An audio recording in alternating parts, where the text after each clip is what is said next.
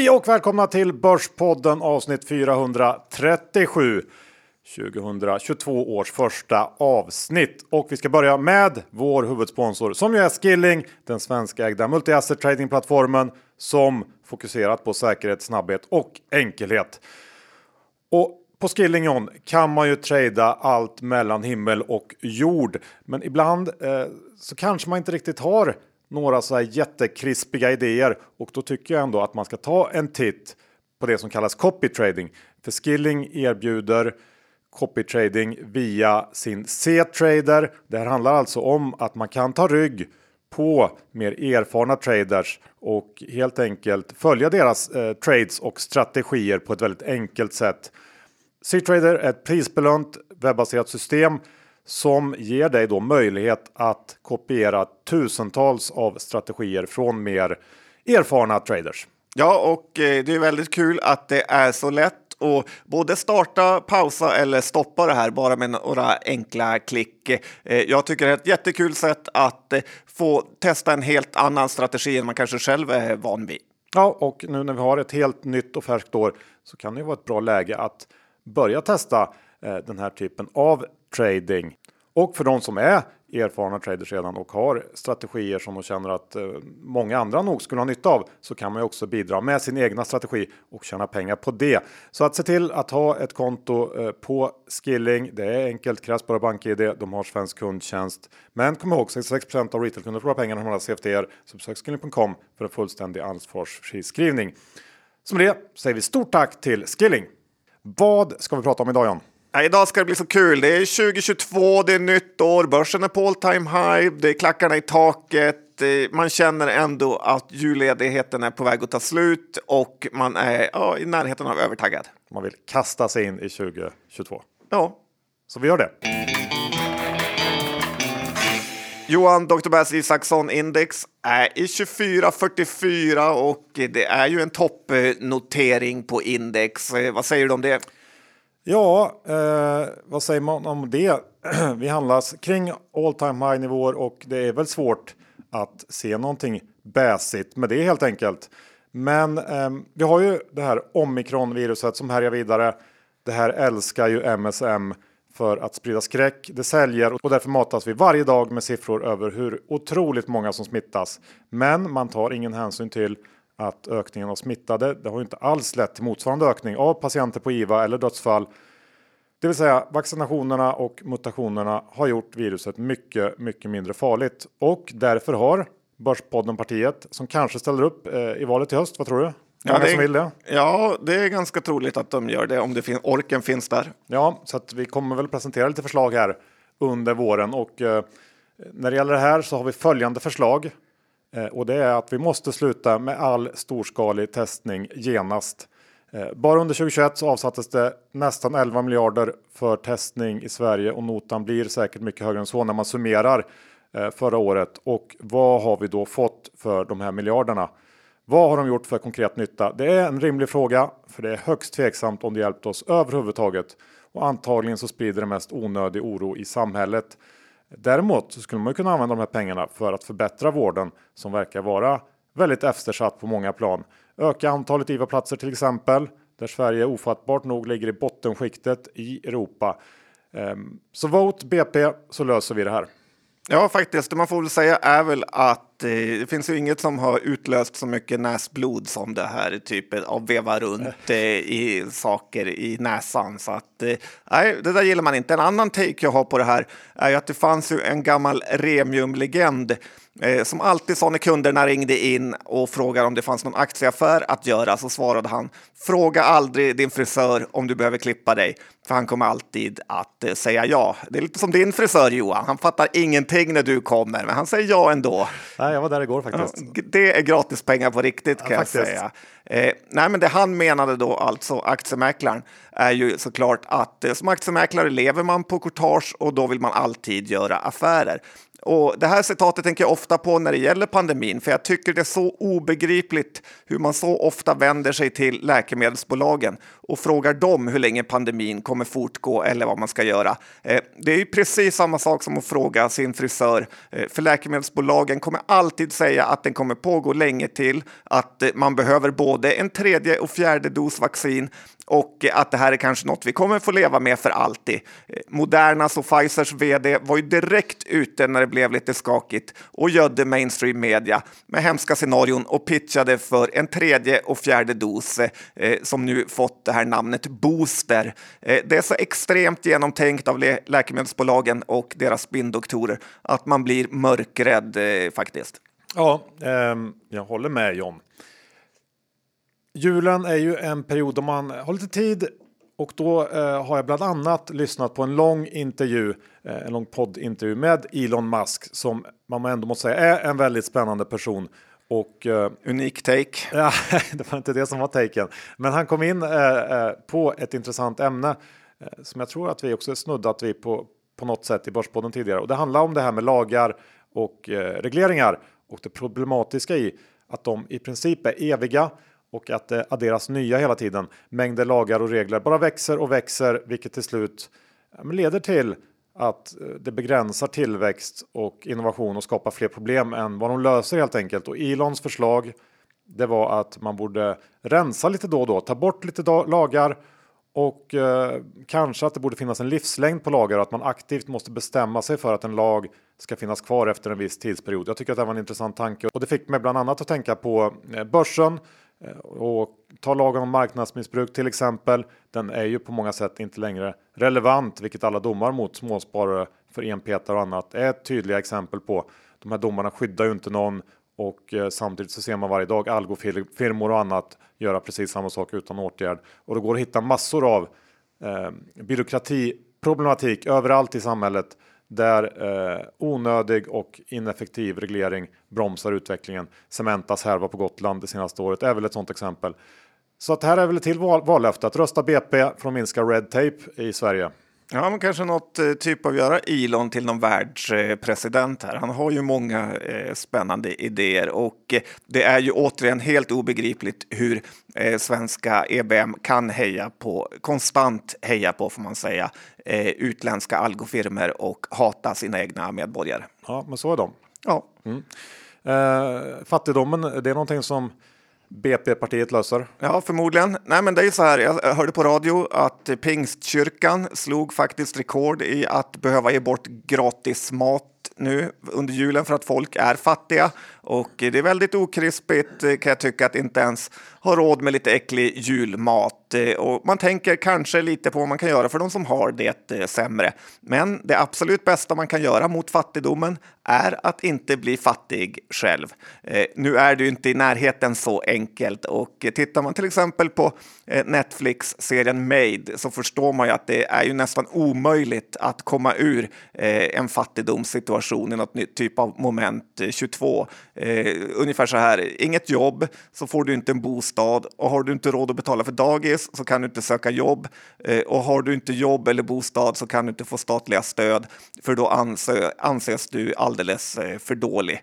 Eh, men man kan väl säga så här, för att alla som lyssnar på en börspodd så är man ju oftast inte riktigt i det hopplösa läget, utan man kan väl se det lite som att inte bli fattig några högstegre i den här behovstrappan. Eh, som att man kan hjälpa sina barn att köpa en lägenhet, eller att man inte behöver snylta på sina föräldrar, eh, eller att man till exempel kan ge bort pengar till de som behöver det, eller stötta en bra sak. Hur som helst, eh, det är mycket snack om att man ska leva för sina pengar, eh, men lika lite som man har hört någon gnälla på dödsbädden. Att de varit för mycket med sina barn har man heller aldrig hört någon gnälla på sin dödsbädd att de hade för mycket pengar. Nej, så är det nog. Nej, hoppas vi. Ja. Att man inte själv behöver gnälla för Eller så kanske det är det man ska. Ja, men när vi ändå är inne på eh, både gnäll och vad man kan göra så är det ju bara att konstatera att vi lever i en värld där det klagas och gnälls oerhört mycket. Och i och med sociala medier så har det eskalerat till nya nivåer. Det har ju aldrig varit enklare att uttrycka sitt missnöje. Folk sitter och skriver massa skit på Facebook eller Twitter och får eh, ofta bekräftelse av likasinnade. Och det här är ju såklart helt meningslöst.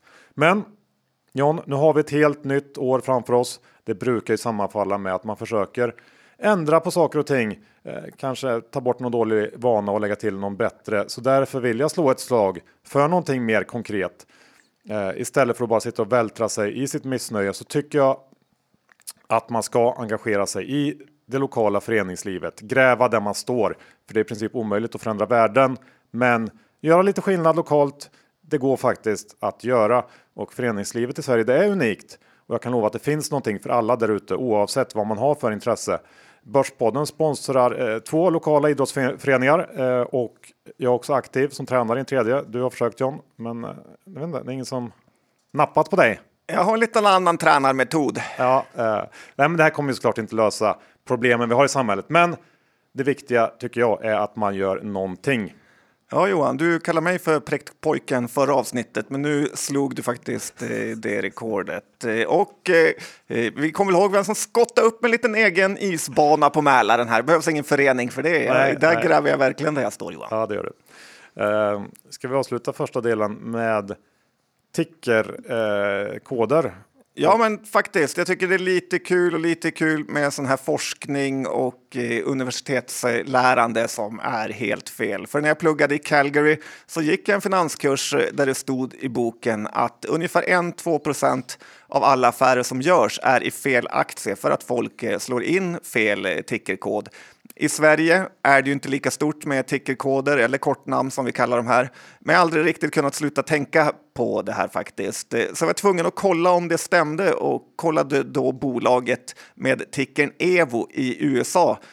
hur många ägare på Avanza som köpt det eh, för att se om den här tesen stämmer. Eh, Men det gjorde den inte kan jag säga, för det var endast fem personer på Avanza eh, som äger amerikanska Evo mot eh, ungefär 94 000 ja, på svenska Evo. Eh, Så att den här forskartesen stämmer väldigt eh, dåligt. Däremot får man ju säga att det här amerikanska Evo, som egentligen heter Evotech, eh, som i grunden är ett tyskt läkemedelsbolag, har gått upp 500 procent eh, på fem år. Så att man hade ju inte direkt gjort bort sig om man köpte det här bolaget av misstag. Det är nästan liksom konstigt få som äger det. Det Ja, för- borde ju ändå vara hundratal kan man tycka som råkat köpa tyska Evo. Ja, men det är som vi säger, Avanza och Nordnet är det nya smart money. Gör inte bort sig. Denna vecka sponsrade av Klients kapitalförvaltning. Ja, och det är ju väldigt kul att få följa deras resa. För många andra beskriver ju det här andra halvåret 2021 på börsen som ett minfält där det var extremt lätt att gå bort sig.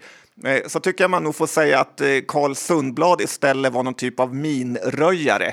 Eh, Hans småbolagsfond har på ett år nu avkastat 50 procent, vilket är ju nästan pinsamt eh, bra. Smaka på det Johan, 50 procent på ett år. Ja, det är ju sinnessjukt. Ja, som jämförelse då såg jag ju att Avanzas snittkund hade under 20 procent i ungefär som eh, värdeökning. Och det sjuka med den här siffran är att den hade varit ännu lägre om inte nästan 7000 kunder på Avanza varit med på Carl Sundblad-tåget här. Så vill man joina det här minröjarteamet på Clients så tycker jag man ska gå in på deras hemsida clients.se, signa upp sig på deras eh, nyhetsbrev där man får följa förvaltarnas eh, tankar eh, och eh, sen ta och titta in deras fonder för de fonderna finns på nästan alla plattformar. Så är det, men kom ihåg, historisk avkastning är ingen garanti för framtida avkastning. Pengar som placeras i fonder kan både öka och minska i värde och det är inte säkert att du får tillbaka hela det insatta kapitalet. Vi säger stort tack till Klients kapitalförvaltning. John, vi är i en lite sådär händelsefattig period får man säga. Det har varit mycket röda dagar och inte så mycket bolagsnyheter, men lite har vi skrapat fram. Du har kikat eh, på iGaming. Vad händer där då? Ja, men jag tycker att det händer en hel del. Det är ju Finland har infört lite tuffare regler kring spelsektorn nu efter årsskiftet och eh, det rör sig om hur man får använda sig av affiliates eh, som man då inte längre får använda sig av för kasinoverksamhet om jag förstått det rätt. Men också att sajterna inte får vara på finska längre utan bara på engelska. Det här är ju något som fått väldigt lite uppmärksamhet här i Sverige. Men både Leo Vegas och eh, Unibet är stora i Finland och det här skulle kunna drabba dem negativt.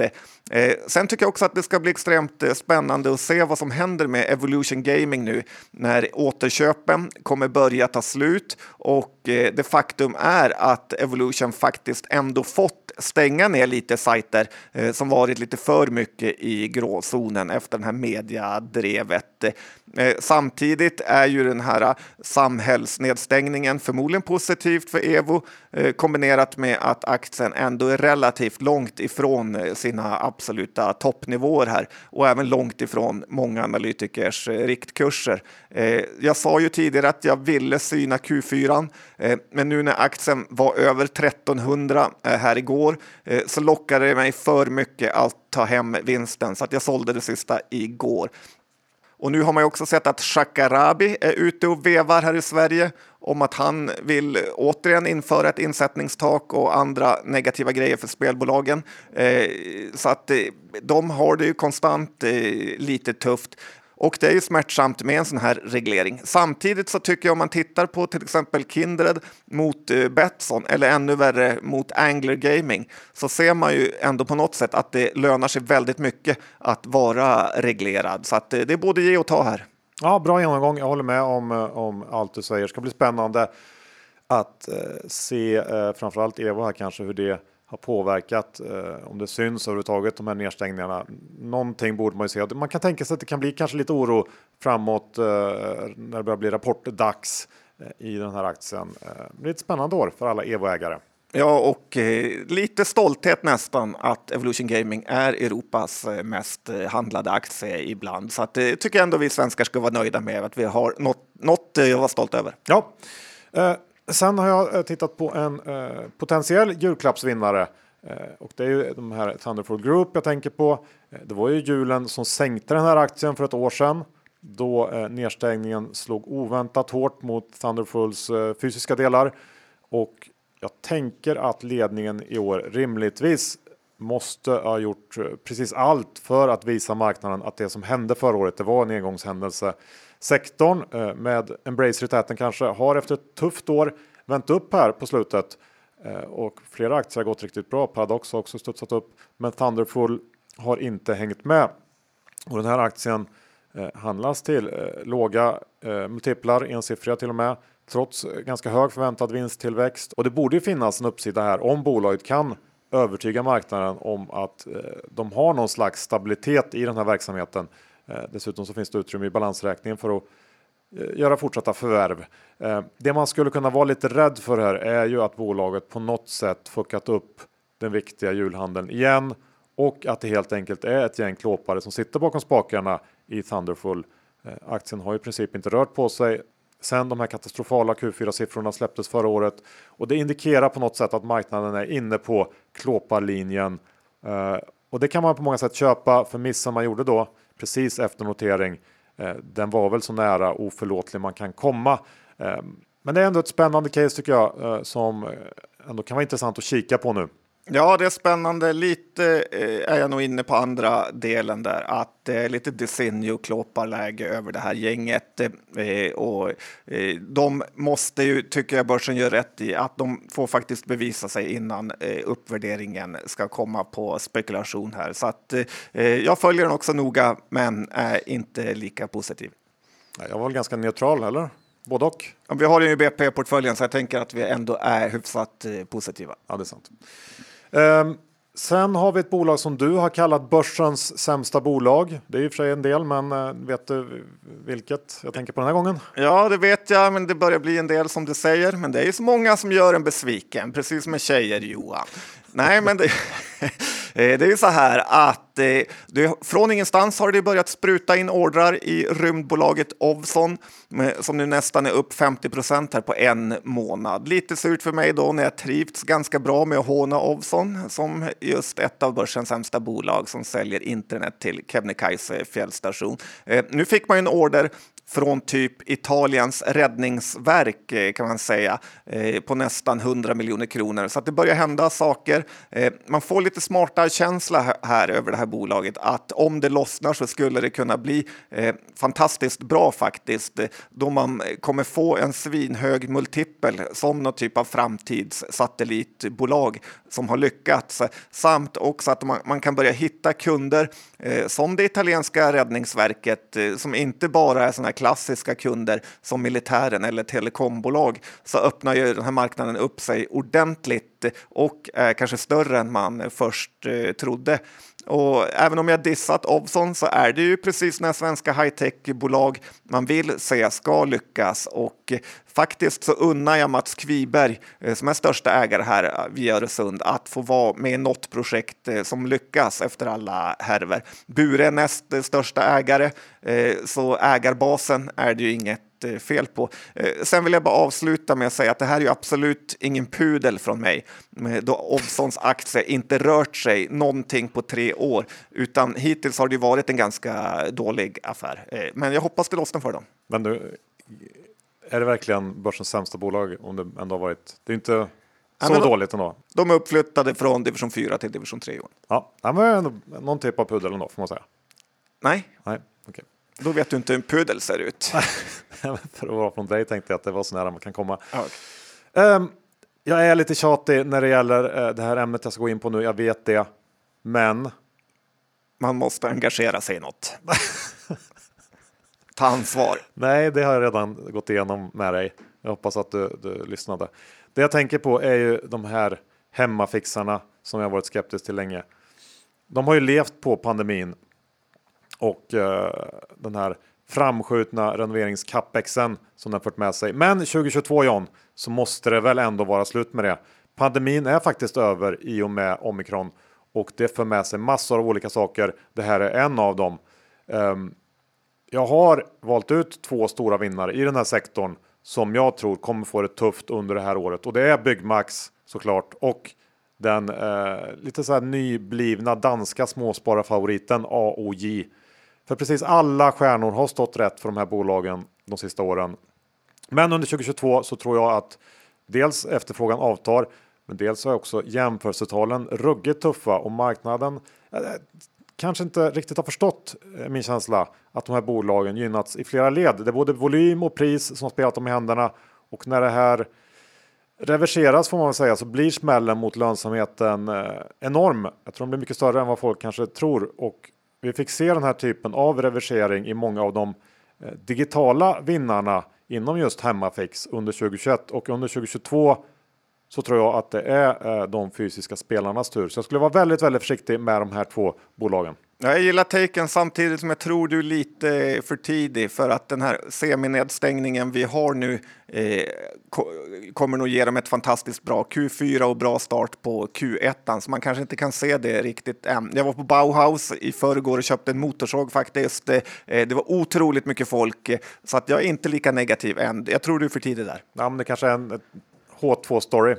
Ja, det kan det vara. Börsen brukar ju vara lite eh, tidigare än man själv, så att, eh, absolut spännande. Ja, uh, Electrolux John, ett bolag som vi ändå gillar får man säga på något sätt. Ja, faktiskt. Men en stor... Mest för att det är svårt att leva utan deras produkter. ja, som tjejer Johan, kan inte leva med dem och inte utan dem. Nej, men så här, en story som Filip och Fredrik brukar dra är ju hur en gubbe en dag kom till Colgates huvudkontor och sa att han hade en idé till dem som skulle få dem att tjäna fruktansvärt mycket mer eh, pengar. Eh, har du hört den här? Ja, faktiskt. Men, oh, låt inte så inspirerad. Nej, men, så här, men innan han berättade det så ville han ha en miljon dollar. Eh, hur som helst så gick då Colgate med på det här och när gubben skulle dra pitchen för Colgates styrelse så sa han bara gör hålet på tandkrämstuben dubbelt eh, så stort. Eh, lite skarvarning på den här skrönan känns det som. Eh, men jag fick faktiskt en liknande idé till Electrolux under julledigheten som jag inte kommer kräva pengar för. Eh, och varför tillverkar inte Electrolux tvättmedel och diskmedel eh, som dessutom skulle kunna vara någon typ av prenumerationstjänst?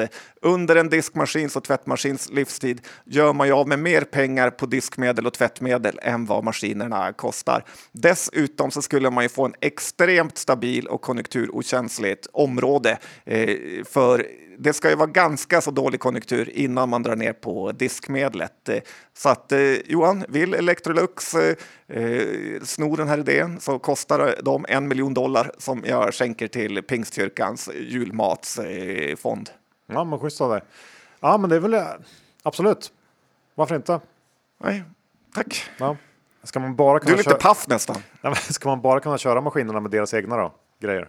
Eh, nej, men det är premium premium då. Men blir det någon slags Espresso-grej att det kommer massa kopior på deras eh, kapslar och sådär? Lite, ja. Alltså de kan inte få allt för en miljon dollar Johan. Okay, nej. Så de här frågorna får man betala mer för att få svar på? Ja, precis. Kostar extra. Hur det ska gå till? Och det får de lösa själva. Ja, nej, men det var en bra idé. Eh, någonting inte lika kul John är ju det som eh, hänt i Research här i veckan.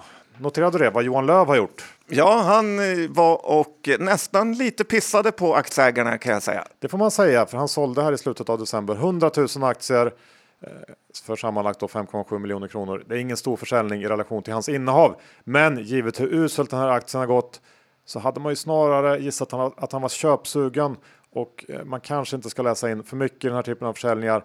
Men eh, efter den här nyheten så blir man ju inte mer övertygad om att vi är nära någon typ av vändning i Research. Det luktar väl snarare ytterligare några kassakvartal för det här bolaget innan det kanske får man säga vänder för att det börjar kännas ganska mörkt. Så ingen kul nyhet där. Jag tror att man ska vara försiktig med research nu eh, under åtminstone eh, närmsta rapporterna eh, för att annars borde han inte ha gjort så här tycker jag.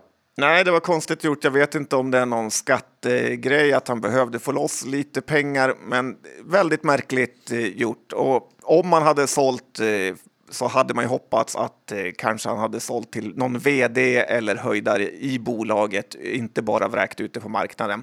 Eh, han borde sålt någon av alla sina Ferrari-bilar istället. Jag är besviken på det Johan. Ja, jag med. Jättebesviken. Mm. Otroligt. Uselt. Så, eh, vi kastar oss... Sa två killar som sa att man inte bara skulle gnälla. kastar... Det var lätt att säga till andra. Ja, men det är jättesvårt att göra något annat när det handlar om Johan Löv. Vi kan ju liksom inte gå in Nej. och sköta hans ekonomi. Nej, det kan Nej, vi inte. Det kan vi inte.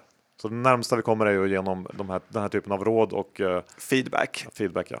Du, uh, vi kastar oss uh, tvärt mellan glada nyheter och tråkiga nyheter. Och nu är det glatt igen för det är resor det ska handla om. Ja, och nu har jag ju turnerat eh, Sverige runt gång på gång och börjar känna sån obeskrivlig matthet på Sveriges eh, turism. Det känns som att jag besökt precis alla ställen under pandemin. Norrbotten, Tällberg, Dalarna, Skåne, Norrbotten. Igen. Ja. Eh, Österlen, Göteborg. Jag pallar inte mer faktiskt. Gotland kanske? Ja, Gotland har jag varit på några gånger. Jag pallar inte mer nu. Sverige är bra men jag måste få göra något annat. Till och med din stackars Marbella-lägenhet Johan känns lockande och jag tror faktiskt att eh, turistbolagen kommer bli en hit framöver. Eh, SAS, TUI, UTG, Scandic, eh, Lufthansa, Delta United, Carnival eller Royal Caribbean. Det finns hur många som helst bolag eh, att välja inom den här sektorn. Men jag har hittat ett jag gillar lite eh, extra. Kan du gissa vilket? Jag tror typ inte du kan gissa det. Nej, det känns jättesvårt. Vore kul om du gjorde. Kopparbergs kanske? Eh, nej, Peter Bronsrand får klara sig själv. Eh, MGM Grand är ett bolag som jag faktiskt varit intresserad av. Eh, ända sedan jag var i Las Vegas och bodde på deras gröna hotell. Det var ju ändå med viss upphetsning som man som Umepojk eh, checkade in på där och eh, lite som Charlie Munger säger, man ska ha låga förväntningar så blir ditt liv bättre. Men det hade jag inte då kan jag säga, för besvikelsen på MGM Grand är nog bland det värsta jag varit med om. Det var som att checka in på en Finlandsfärja med 40 000 rum, heltäckningsmattor och eh, väldigt gammal inredning. Däremot så är det så här, MGM sköter väldigt många hotell på eh, den så kallade strippen i Las Vegas. De äger inte fastigheterna, för de har man sålt Eh, utan man är mer som ett typ av Scandic som driver de här hotellen eh, och kasinona. Och om man är intresserad av fastigheterna så heter deras Pandox, om man får säga så, MGM Growth Properties, eh, som har över 5% i utdelning. MGP är den ticken. Men grejen med det här MGM Grand då, är ju att Las Vegas verkligen är på uppgång igen. November var en rekordmånad i intäkter. Eh, man har fått ett NFL-lag i Las Vegas Raiders. Man har ett eh, lag sen ett tag tillbaka i NHL, i Golden Knights eh, som var i Stanley Cup-final faktiskt för inte så länge sedan. Eh, och Las Vegas gynnas nu också av att Kina håller på att förstöra Macau som spelhåla. Så MGM känns som ett spännande bolag att investera i. Och eh, dessutom tänker jag eh, att eh, man kommer nog kunna använda sitt varumärke och gå mot online. Då är man nästan lite grann som Svenska Spel i US, fast i USA då. Så att det, det här caset gillar jag. Ja, men absolut många spännande aspekter där. eh, utan att jag har koll på hur den här aktien gått. Men, men absolut, jag, jag köper hela eh, resetaken och att eh, det får vara nog nu. Eh, man vill ut och göra grejer. Mm, aktien har gått väldigt bra, är i närheten av all time high, så att man är inte unik. Nej, det var inte unik. Trist. Eh, sista ut John har jag eh, två spackar som jag tycker att man kan ändå fundera på nu. Vi har ju ändå ett extremt starkt 2021 bakom oss och vill man växla ner risknivån lite men ändå vara med i matchen på något sätt så tycker jag att både Bures ACQ och Creades Creaspac är intressanta ställen att parkera lite pengar på. Eh, det här är ju spackar med kvalitet bakom spakarna så att säga och bägge två handlas kring substansen på 100 kronor. Har varit noterade ett tag och det innebär ju också att man i alla fall är närmare ett förvärv än vad man varit tidigare, även om det såklart inte är någon garanti att det ska ske här under 2022. Men det fina här i, i bägge de här bolagen tycker jag är att nedsidan är liten samtidigt som att det nästan är garanterat att man får en ganska rejäl kursuppgång om och när ett förvärv presenteras. Eh, för att jag tror att det här, eh, ingen av de här spackarna kommer att göra några eh, tveksamma förvärv utan de vill nog att det blir bra. Så att två lite sådär defensiva val som man kan titta på här Eh, för 2022? Ja, det jag tror inte folk har riktigt koll på i spackarna är ju att här har man ju verkligen hängslen och livrem. För att gillar man inte förvärvet så har man möjlighet att lösa in aktierna till eh, kursen. Det är lite eh, ja, hängslen och livrem, lite som att köpa Claes Hemberg Johan. Lite schysst, lite svensk style på de här spackarna. Ja, du reagerar inte på Claes Hemberg. Det är olagligt att köpa honom. Nej, men så här. eh, det är ju så här att jag tror tycker du har helt rätt här och har faktiskt köpt eh, en stek i båda här. Eh, Spännande bolag och jag tror dessutom att man kan gynnas även om bara ett av de här bolagen gör ett förvärv och aktien går upp så kommer det dra med eh, det andra. Börsen är kortsiktig. Aktien handlar, de här aktierna handlas kring 108, 109 eh, och nu nere på 101. Så att eh, eh, blir det lite mer upphetsat klimat kring det här så har man nog några enkla procent uppåt. Ja, det svåra är väl att det kan vara ganska tråkigt eftersom det händer ingenting och det är lätt att man tröttnar och kastar sig in något annat. Men, ja, eh, och ja. lite hävdar jag kanske också att ju mer börsen går upp eh, desto eh, mindre värda blir spackarna då man på något sätt är lång pengar och kort börsen via äger de här spackarna. Men värderingarna utanför börsen är ju så mycket lägre än på så att det borde inte vara något problem ändå. Slut på avsnitt 437. Härligt att vara igång med ett nytt fräscht avsnitt 2022. Vi tackar ju såklart för huvudsponsor Skilling. Se till att öppna konto där om ni inte redan har gjort det. Hur enkelt är det att öppna konto John? Men det är så fruktansvärt enkelt. Om du har bank-id, vilket alla har, och dessutom svensk kundtjänst som gör det enklare om man skulle ha någon fråga. Ja, men kom ihåg 66 av retailkunder förlorar pengarna handlas efter så besök skilling.com för en fullständig ansvarsfri skrivning. Hur var det med innehav idag? Eh, tyvärr får vi säga har vi Research i Börspodden-portföljen. Den, Den, har jag privat också. Ligger lite pyrt till måste jag säga. Eh, vi har väl någon spack i Börspodden-portföljen. Eh, båda två. Båda två ja. Och du hade bägge två privat. Ja. Jag har inte hunnit köpa än men eh, fundera på det som sagt. Um, och sen har vi Thunderful i Börspodden-portföljen. Är det legendar börjar inte låta så legendarisk när man drar upp innehaven. Nej, men den är legendarisk ändå. Ja, det ska gudarna veta. Eh, I övrigt tror jag inte att eh, det är så mycket va? Nej. Inga MDM Grand i din portfölj? Nej, och inga Ovzon och inga Electrolux. Utan där har jag en liten option istället. Hur då menar du? I form av att man... Swish, vdn swishar ja, då och okay. då för idéer. Ja. Bra, eh, tack för att du lyssnade. Vi hörs om en vecka igen. Hej då! Det gör vi. Hej då!